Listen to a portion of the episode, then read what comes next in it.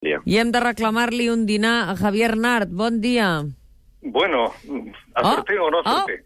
No, Acerté o no no, acerté? no, no. Vostè ¿Cómo que va no? dir, vostè va dir que traurien tres eurodiputats. Bueno, yo lo que dije es que tenía un alma O vasca sigui que em deu un dinar. y otra catalana, y la de catalana era más moderada y más prudente, y la de Bilbao me iba por sobrado. Entonces decía tres y dos. Pero bueno, oye, la cena la mantengo. Per tant, han tret dos eurodiputats. Volem felicitar al moviment Ciudadanos perquè ha fet un bon resultat en aquestes eleccions.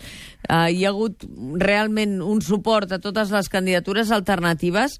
Mig milió de vots arreu de l'estat espanyol d'aquests dos eurodiputats, però Catalunya els ha votat potser una mica menys de gent del que van treure quan van aconseguir aquests nou diputats al Parlament. Uh, què ha passat a Catalunya? Bueno, en Cataluña lo que ha ocurrido es que Esquerra Republicana está vendiendo el producto original y Convergencia está vendiendo el prosciutto italiano. Entonces, entre 5J y prosciutto, ¿tú qué compras? No, parlava dels seus resultats, dels seus, senyor Nart. Ah, de los nuestros. Claro. Ah, de los nuestros. Hombre, yo creo que francamente son, son positivos y son buenos. Son dos, dos eurodiputados, cosa que para una fuerza que entra de nuevo, con la excepción del extraordinario resultado de Podemos, al que yo felicité ayer a las nueve y media de la mañana. Llamé a Carlos Jiménez Villarejo, que es Sí. un gran, gran amigo, Sí. y le dije, Carlos, sales. Y no se lo creía, salió. Sí, sí. Entonces, pues, en fin, hay que decir la verdad. Yo creo que hay dos eh, grandes eh, vencedores, que es Podemos y nosotros. Y yo después lo que me quedo atónito, bueno, pues evidentemente es que es la republicana, naturalmente que sí. Y yo lo que me quedo atónito es cuando escucho a algunas fuerzas políticas que han ganado. Por ejemplo, cuando el Partido Popular presenta el éxito, sí.